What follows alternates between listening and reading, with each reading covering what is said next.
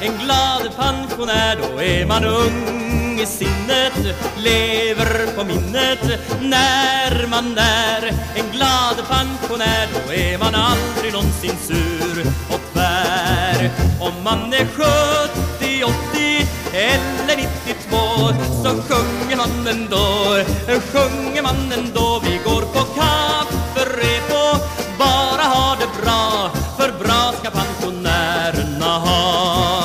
Ja, det blev fällande domar i Stockholms tingsrätt i målet om en bedrägerihärva i mångmiljonklassen mot pensionssparare i bolaget Falcon Funds.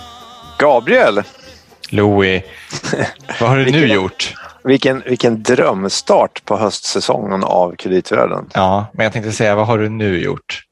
Det är inte så att du ringer från Kumla nu eller? Jaha, du tänkte på den där andra. Jag tänkte, jag tänkte på den här Tore Skogman. Ja, just det. Mm, det var härligt. Det är svårt att liksom börja, men ja, vi toppar direkt helt enkelt. Mm. Men kommer du ihåg igen när vi pratade om hur många låtar han har skrivit? Minns du vad vi sa? Nej, inget läxförhör här i augusti. 1302 låtar hos Stim. Ja, Han, han leder fortfarande. Det är ganska svårslaget. det är otroligt. Så det finns en för varje tillfälle. Även denna Men- gång, så pensionärer alltså, pension. Mm. Mm. Där låter de ju väldigt glada men sen har man det här klippet och då blir man ju lite mer eh, orolig. Det har ju varit en del. Det har ju haft lite allra saker här under sommaren och sådär också. Ja. Men parallellt med Allra så var det ju en annan eh, spännande process, eller hur? Ja, Och det är det- kanske den vi ska höra lite grann om. ja precis. Idag. Eller parallellt. Ja exakt, precis. Ja precis. Falcon Funds. Ja. Jag funderar på om det var en kuggfråga. Ja, precis. Ja. Mm. Nej, men precis. Falcon Funds och vi har ju en fantastisk gäst för att ta oss igenom den spännande resan. Eh, men Louis Landeman heter i alla fall du och det här är vet kreditvärlden. Du heter Gabriel Bergin. Yes, box. Den här podden är av och med oss. Så kan man Ja. säga. Lite så. Men, eh, men innan vi släpper in vår kära gäst, bara, vi Mm. vill ju gärna diskutera det här med pensionssystemet lite mer, eller hur? Just det. Inte bara grotta i liksom de, de fula exemplen på hur det kan gå snett. Nej, men det är ju otroligt intressant och vi som är på kreditmarknaden så är det klart jätteviktigt eh, det här med liksom pensionssparande och sådär och, och för alla, alla oss invånare i ett land är väl pensionen otroligt, Mm. en otroligt viktig grej som man pratar alldeles för lite om. Mm. Så därför tänkte vi nu presentera en riktig expert på bland annat pensioner. Jens B Nordström. Finns du Hallå. med oss? Där är Jajamän. du. Tjenare. Välkommen tillbaka säger vi. Tack så mycket. Kul att vara tillbaka hos er. Vi hade ju så lyckade avsnitt med dig förra året när vi pratade om Saab. Också en olycklig historia. Ja, faktiskt. Mm. Det är spännande böcker av de här olyckliga historierna. Det är ju så att eh, när allting går som planerat och allting slutar bra då eh, saknas ju lite dramatik. Så att jag är ju väldigt road av det här när det går åt skogen. Ja. Men du är, det ska jag säga det för de som inte vet, då, du är både journalist på TV4 bland annat och författare får vi ju säga. Och du har skrivit flera, flera böcker med, ja vad ska man säga, ekonomi och finanstema kan man väl säga. Mycket eh, väl beskrivet skulle jag säga. Och då kom Den den svenska om- industrin och kapitalmarknadens Ja, liksom fadäser får man läsa om i Jens böcker. Ja, det, är väl, det är väl lite grann så det var någon som beskrev det som att jag är liksom finansmarknadens albatross. Det är otur att se mig för då är någonting på väg att gå åt skogen. Ja, ja. Jag skrev en bok som heter Det stora pensionsrånet som handlar om den här miljardsvindeln i Falcon Funds. Den kom ut förra året, eller hur? Ja, stämmer. Jag tror att den kom ganska strax efter vi hade pratat om Saab med dig faktiskt. Ja, jag satt nog i slutredigeringsfasen då och Ja. höll på försökte få ihop det sista när vi pratade om Saab-boken. Ja, precis. Och den, jag, tror, jag tror att många har hört lite grann om den här boken via dig och intervjuer och sådär och kanske läst om det. Men vi tycker att det här är så otroligt, uh, den här historien som du beskriver är så väldigt intressant så vi är så tacksamma att du ställer upp och pratar lite mer, alltså att vi kan gå lite mer på djupet i den här historien för det finns, jag tycker själv att det finns så otroligt många aspekter på det här. Den har fått väldigt stora konsekvenser för vårt samhälle och Mm. det är ju fortfarande effekter som vi lite grann håller på att arbeta oss igenom i den politiska och ekonomiska världen. Ja. Hur, men det här med att du bestämde för att skriva den här boken då? Hur, eh, när kom du fram till det? Nej, men det är ju lite grann så att varje gång man skriver en bok så säger man det här är banne mig sista gången. Jag ska aldrig mer utsätta mig för det här. Och sen behöver man liksom lite grann en eh, mellanperiod och så får man ofta lite så här läsarkontakter också som säger att de tyckte det var kul att läsa bok. Och det liksom tilltalar ens ego, får man erkänna då. Så liksom kommer man fram till att det kanske inte var så dumt där. Och då någonstans i det skedet så börjar man fundera på att det kanske ska bli någon fler böcker. Så börjar man spana vad skulle kunna vara ett bra ämne. Och Falcon Funds är väl lite grann så här, man, man skulle kunna känna, säga liksom att som journalist så har man liksom någon slags spindelkänsla, ungefär som Spindelmannen. Liksom, att när, när liksom pirrar i spindelkänslan. Och Falcon Funds var att som liksom gav maximalt utslag nästan på direkten. Att det var mycket som hände. Det fick väldigt stora konsekvenser och man fick hela, hade hela tiden känslan att det är massa saker som har hänt här bakom kulisserna som mm. vi inte får reda på. Här finns det nog en del att grotta i. Det är kanske inte det bästa måttet på någonting, men jag menar, Wikipedia-sidan om Falcon Funds börjar 2014 och när vi ska börja spela in det här avsnittet av din bok börjar ju betydligt tidigare än så. Så är det. Det, här, det var också det som jag tyckte var spännande. Liksom just att Falcon Funds illustrerade de här systemfelen som fanns runt pensioner också. Att det är så många checkpoints där man liksom säger att där borde Falcon Funds ha stoppats. Så rullar det bara på. Och sen så ett år senare så kommer man till en ny checkpoint att nu ska det väl ändå ta slut. Och så rullar det bara vidare. Så det var en ganska bra illustration över de problem som fanns kring pensionsfonder vid den här tiden. Och det är väl mycket av det som nu man håller på att försöka renovera i pensionssystemet. Mm. När började arbetet med boken då? Alltså egentligen så var det väl så att eh, när Kalla fakta hade premiär eh, 2018 så blev jag in, eh, de gjorde en granskning eh, av Falcon Fun som liksom var lite grann startskottet på att det här blev en publik historia. Och då hjälpte jag till lite grann eh, i den granskningen och tog över liksom stafettpinnen också. För att det är lite grann så att när Kalla fakta har gjort ett jobb så är de ganska utschasade och behövs det lite friska krafter. Och då var jag med och liksom så såg hur Pensionsmyndigheten försökte slänga ut de här skojarfonderna från eh, pensionstorget och hur det liksom inte gick. Och sen så var det liksom en lång tystnad och sen så var det den här berömda presskonferensen när Pensionsmyndigheten helt plötsligt kommer ut och säger liksom att eh, nu har vi liksom äntligen lyckats stänga Falcon Funds. Det saknas mer än en miljard kronor. Och då minns jag att jag satt på den presskonferensen och var så här, den här känslan också att oh jävlar, här har det gått ja. riktigt. Liksom så här, en miljard, det är inte, det är inte bra. Och så, sen så insåg man också att och det har varit liksom knäpptyst i sex månader. Det har ju uppenbarligen hänt lite grejer här.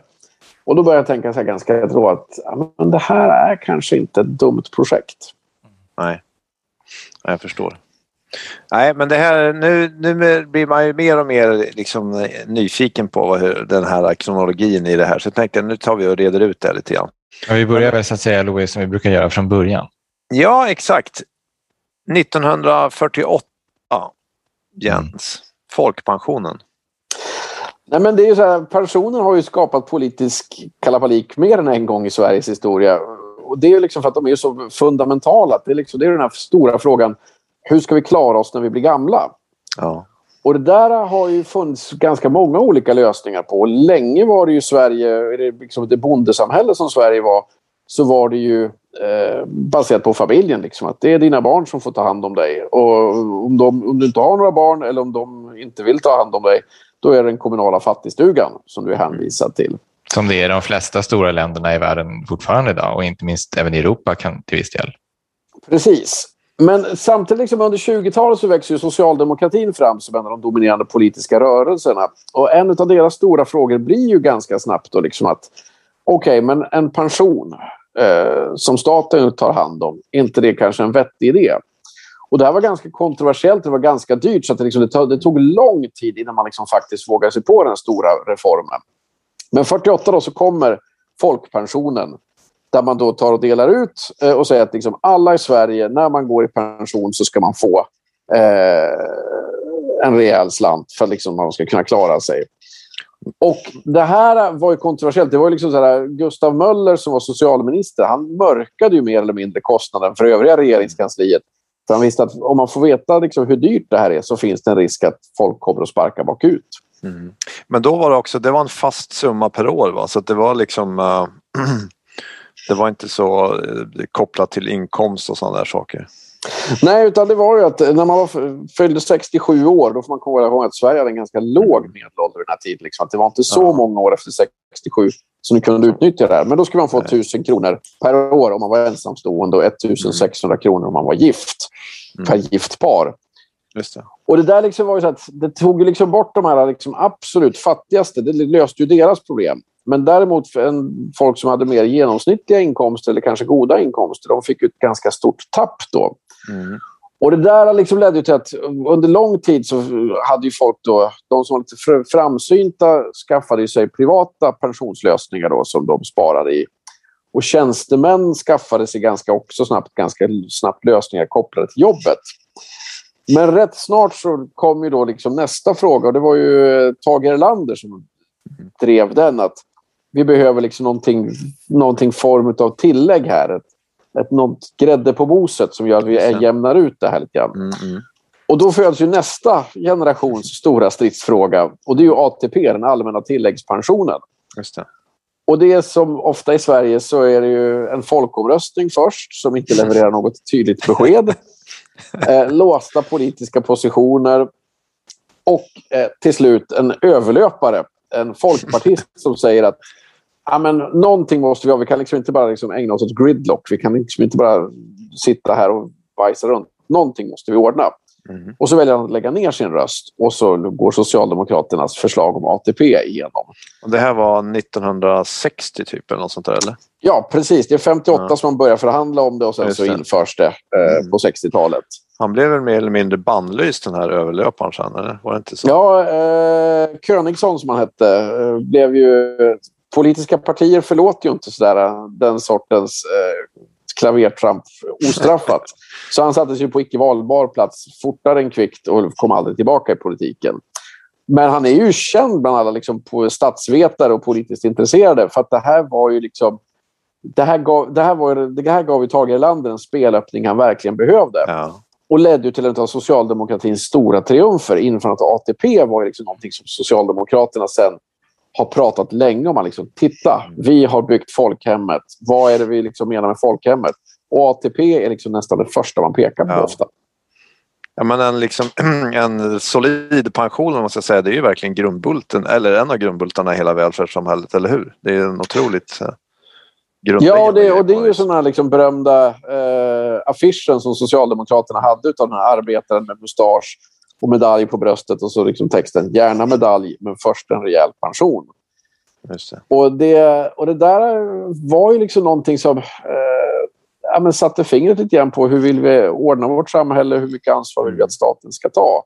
Mm. Och Socialdemokraterna eh, märkte att det här blev väldigt populärt också. Liksom, det gav ju en legitimitet till socialdemokratin också. Och eh, det var populärt bland väljarna. Mm.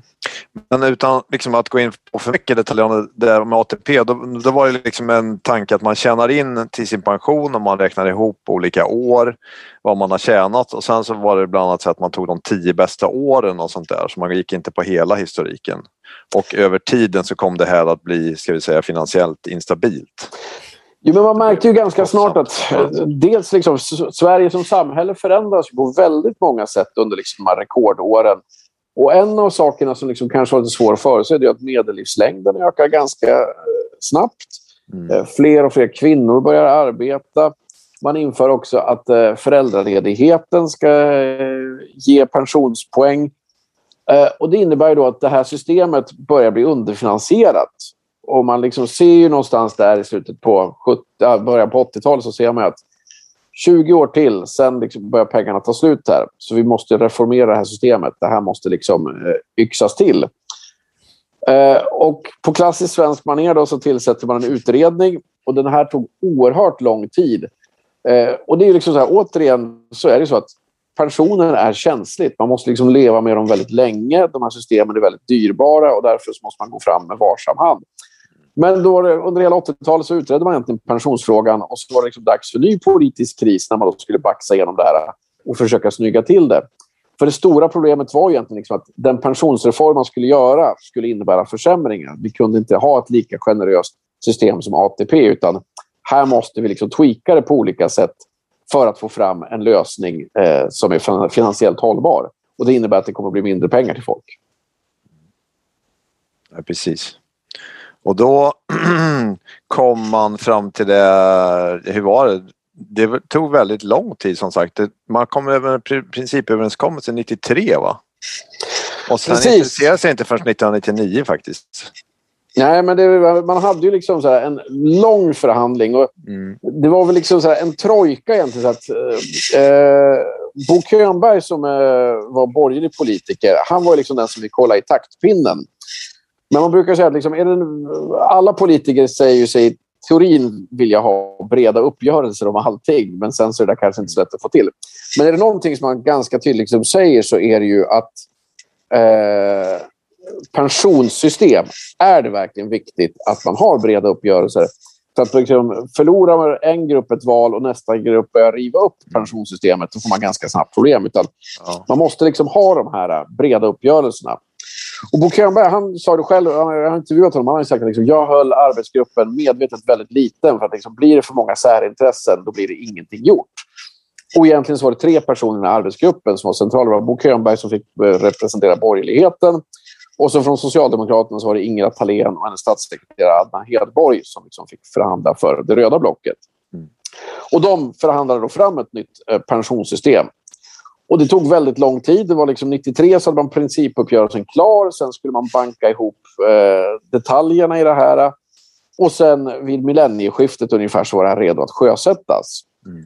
Men det tog lång tid och det var mycket kohandel om liksom de här detaljerna som kunde bli avgörande. Och resultatet är väl också lite grann, jag ska inte säga en kompromiss, men det innehåller väl liksom olika delar av det gamla systemet och ett nytt system, kan man säga. Så är det. Liksom, det fanns ju olika saker. att eh, Socialdemokratin vill ju på många sätt slå vakt om ATP som var deras stora triumf. De vill liksom inte se att det rann ut i sanden.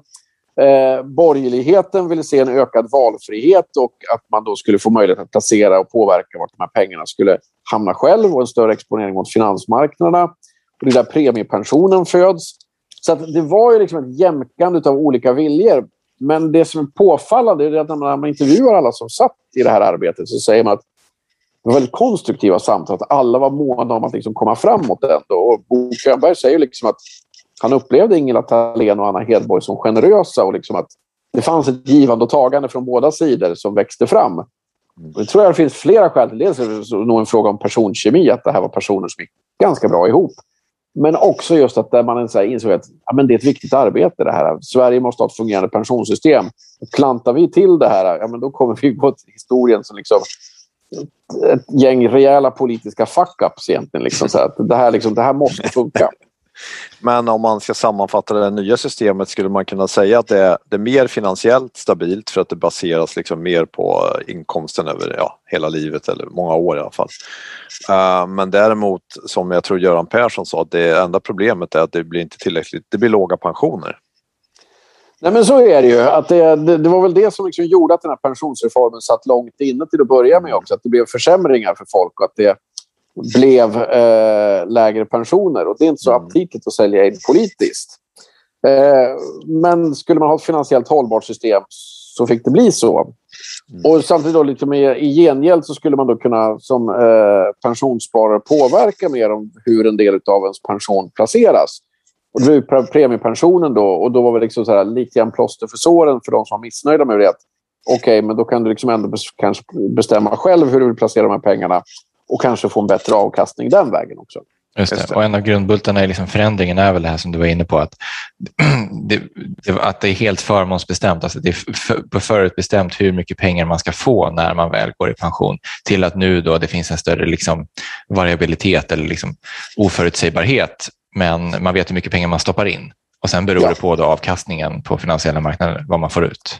Precis, och hur mycket du är beredd att riska och hur mycket mm. Volatilitet. Mer risk hos individen och mindre risk för staten. Så att säga. Ungefär så. Mm.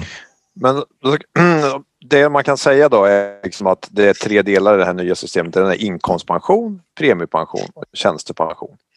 Och så ska du då få en, en del då, som förvisso är en mindre del, så ska du själv som individ sitta och välja fonder Uh, och till att börja med så var det ju väldigt många fonder man hade att välja med. Mellan, jag tror över 800 fonder, eller hur? Det, när det var som störst så var det ju systemet väldigt stort. Mm. Och det där blev ju kritiserat, att det, liksom, det växte ju fram över tid. Eh, men det där är någonting som forskare har tittat på som man liksom har sett också sprids i systemet. Att när det blir för många fonder så är det svårt att liksom bilda sin överblick som eh, eh, medborgare. Och Många andra länder har ju valt att begränsa det ganska mycket hårdare. Man säger att nej, men, vi ska ha 20 fonder i, i vår privata del av pensionssparandet. Liksom, att det, det, är så många man får ha. Eh, och Det är lättare liksom att få sig en uppskattning över hur ser riskprofilen och liknande ut. Men med 800 fonder då är det ju svårt att få en överblick. Det finns liksom en risk att du tar den första du ser. Det kanske är uh, Aardvark fonder eller någonting sånt där. Liksom det som kommer först alfabetiskt som du bara klickar i för att det är liksom så svårt att få någon överblick över det. Ja. Och det där hade man inte riktigt förutsett när man sjösatte det här systemet. Nej, exakt. Det där kan vi komma tillbaka till vad man kan tycka att man borde ha kunnat förutsätta och inte. Då. Men de facto var det på det viset. Men då, då förstår vi liksom miljön.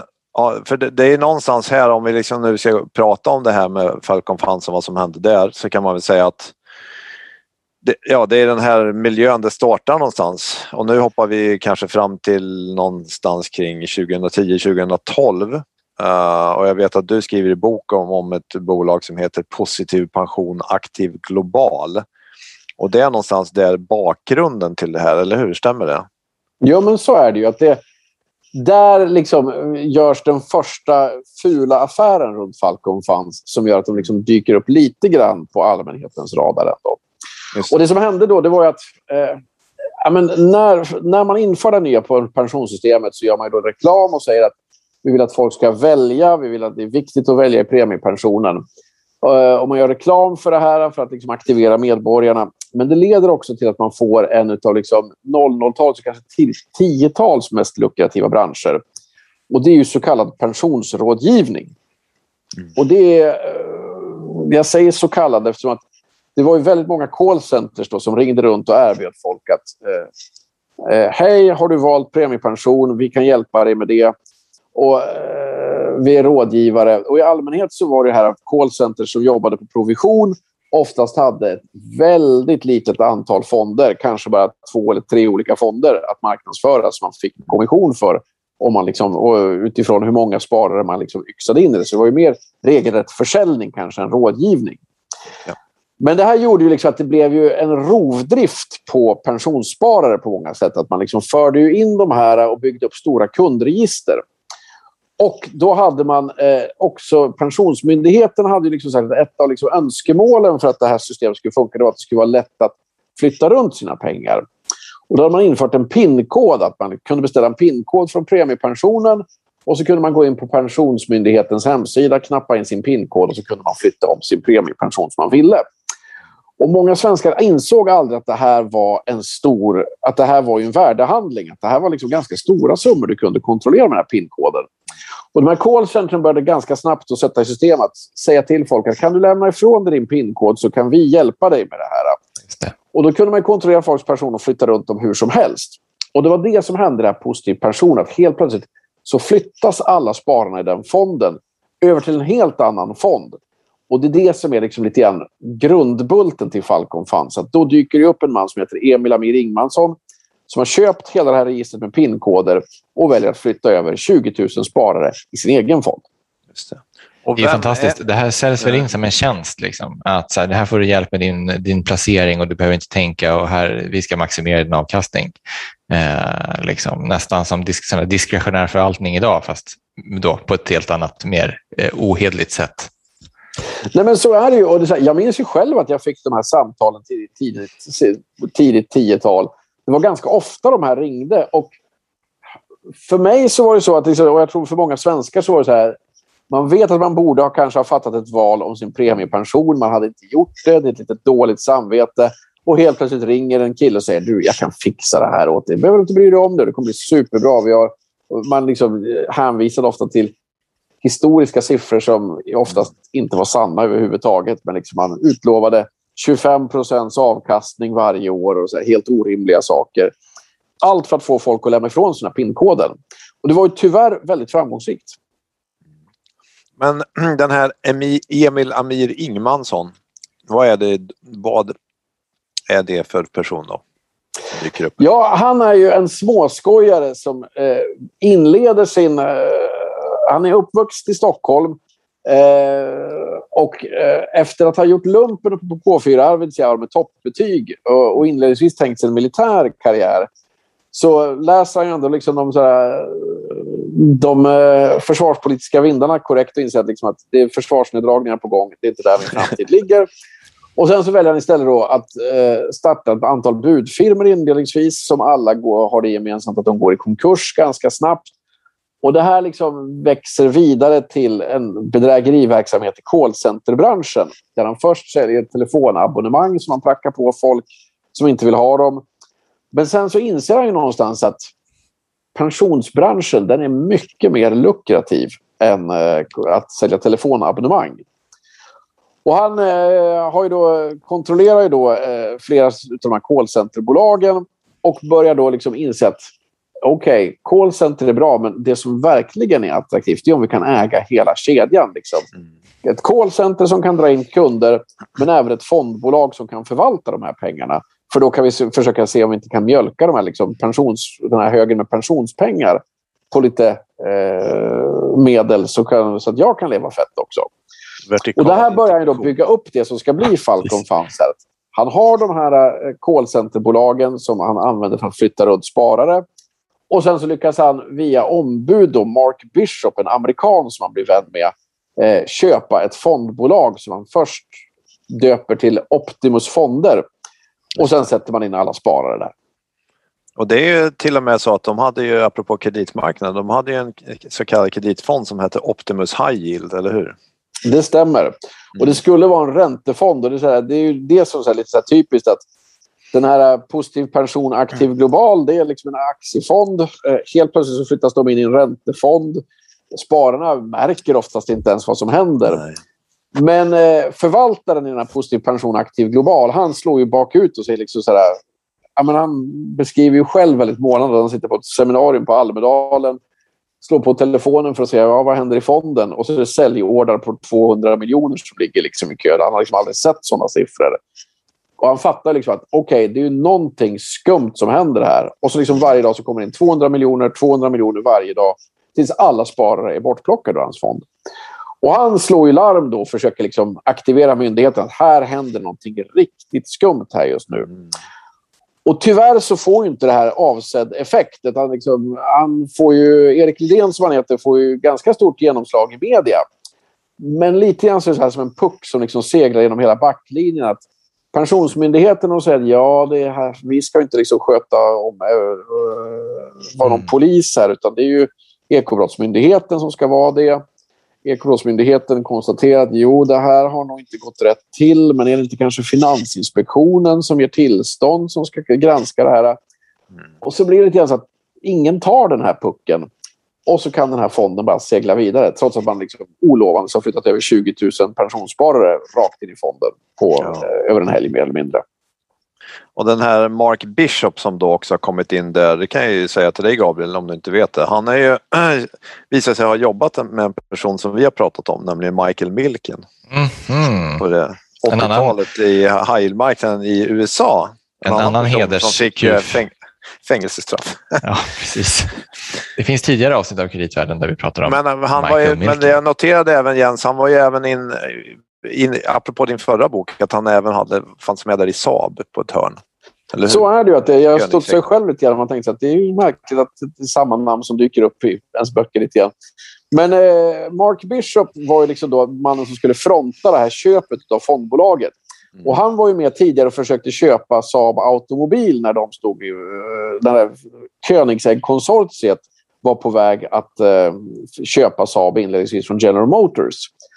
Och eh, Mark Bishop lyckades göra sig omöjlig i det här konsortiet eh, och valde då att försöka sälja sina aktier i eh, det här Koenigsegg-konsortiet till vad som beskrivs av den svenska regeringen mer eller mindre som organiserad brottslighet i Östeuropa. Och det här ledde ju till ett ramaskri från regeringen som stod då i färd med att liksom utfärda miljardgarantier till Saab Automobil och Koenigsegg-konsortiet. Och då blev ju beskedet att ska ni ha någon chans på att få några kreditgarantier från regeringen, då ska den här Mark Bishop ut ur konsortiet. Så han köptes ju ut då och sen så, ja, om man vill fördjupa sig i Saab så finns det ett utmärkt avsnitt av Kreditvärlden eller en utmärkt bok man kan läsa på det här med. Men han, liksom, han var ju känd bland svenska myndigheter ja. lite grann för sin agerande där. Men när Emil Amir Ingmansson då vill köpa ett bolag så är det så att han själv har ett antal domar på sig och har misskött ett antal bolag. Så att Emil Amir Ingmansson inser att jag kan själv inte fronta den här affären. Han försöker först använda sin bror som får avslag av Finansinspektionen för att han har varit involverad i för många skumma affärer. Och då kommer Mark Bishop in som liksom ett nytt och fräscht namn som Finansinspektionen inte känner igen. Det kan man ju tycka med den här bakgrunden. Ja, men i och för sig, det hade inte hänt. För sig. Men uh, ja, intressant.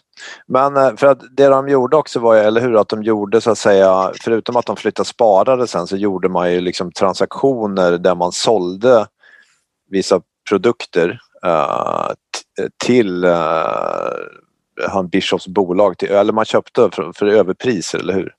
Och så var det onoterade innehav och så blev det liksom förluster på de här innehaven. Och så här.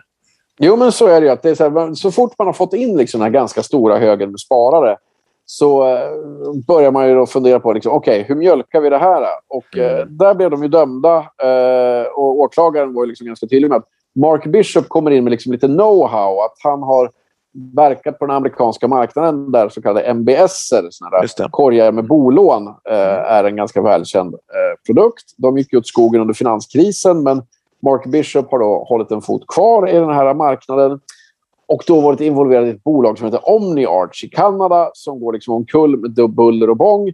Och när man då försöker sälja av de här MBS som Mark Bishop har sålt på dem så visar det sig att de är helt vansinnigt värderade och att Bishop har sålt dem till överpris. I USA så gör man då liksom en civilrättslig uppgörelse att Mark Bishop får betala tillbaka en del pengar men han åtalas aldrig. Och sen så åker han tillväg till Sverige och upprepar det här med liksom skrämmande precision en gång till. Och I princip så är det så att man tar de här MBS som ligger i hans bolag, eh, säljer på dem till de här stackars spararna i Optimus med en och det är så här, de studsar ofta efter ett tag via Emil Amir Ingmanssons bolag där de här MBS får ligga till sig ibland bara ett par timmar innan de går vidare in i fonden. Och Då ökar de magiskt i värde med 30-40 procent. Och så betalar man dessutom ut en rejäl kommission då till säljarna för att de ska få det här och sen så när man väl har fått in det i fonden så börjar man liksom långsamt släppa ut luften i de här MBS. Liksom man värderar långsamt, långsamt ner dem. Eh, och pensionsspararna får eh, ta smällen för det. Mm. Så det är ju inte sofistikerad brotts brottslighet. Man köper in skräp till överpris och sen så tar man en rejäl kommission på det själv. Ja, och även de här PIN-koderna är också då ganska, kan man tycka, uppenbart. Och som du säger själv så blir det ju dels, eh, och det här är väl 2013, det är både liksom eh, hallå i media och om jag förstår saken rätt så är det även så att den här Lennart Johansson heter han väl, som var styrelseordförande i det bolaget som då hette Strategiplacering, att han till och med tar ett hemligt möte med Finansinspektionen för att han är så bekymrad över vad som händer där, eller hur? Så det är jag vet inte, varningsklocka räcker inte ens till här utan här, som du säger, varför, varför stoppas det inte här? Eller vad, vad händer? Säga, liksom? Någon av de här 20 000 kunderna borde ju märka, alltså någon borde vara hyfsat involverad i alla fall i sina placeringar. Men... Nej, men det, är, det, man kan säga liksom, det blinkar ju rött på rätt många ja. ställen. Och Det är väl ja, det som är liksom genomgående i så här Falcon Funds. Att det är massa checkpoints som man tycker att här mm. borde rimligen ha tagit slut. Och så liksom seglar det vidare på något sätt. Och här har då liksom Ekobrottsmyndigheten har då bedrivit en brottsutredning men liksom säger så här, jo, det, det är förmodligen så att det är ett brott som är begånget här men vi kan liksom leda i bevis vem det är som ligger bakom och då kan vi inte driva det till åtal så då tvingas de släppa det. Finansinspektionen har ju då liksom satt fart och börjat då liksom genomföra en granskning. Och de eh, konstaterar att det är rätt mycket som är skumt i det här bolaget. Så de hot säger att vi tänker rycka ert värdepapperstillstånd eh, om ni inte ger oss väldigt goda skäl för att inte göra det. Men det är det som är så här, man märker liksom att Emil Amir Ingmansson har ju varit bedragare i många år. Och han, man märker liksom att från början så är han en småbedragare och sen växer han upp och liksom blir en storbedragare. Och någonstans liksom så är ju Falcon Funds hans mästarprov. Att då har han liksom lärt sig precis hur man ska göra såna här saker. Mm. Och han har ju liksom lärt sig hur den här finansmarknadsmaskinen fungerar. Vilka spakar man ska dra i, vilka knappar man ska trycka på. Och han använder sig av ganska mycket advokater som han liksom slänger fram här för att eh, få hejda Finansinspektionens hand. Och eh, överklagar vartenda beslut liksom för att förhala allting. Mm. Och eh, då lite grann så här, för att verkligen liksom lugna ner dem så säger han ju också att ja, det är också så att jag är på väg att sälja den här fonden. Jag kommer inte vara involverad i den. Den ska flytta till Malta. Eh, så att, varför ska ni liksom rycka tillståndet för ett bolag som ändå är på väg att läggas ner och där jag inte kommer att vara med längre?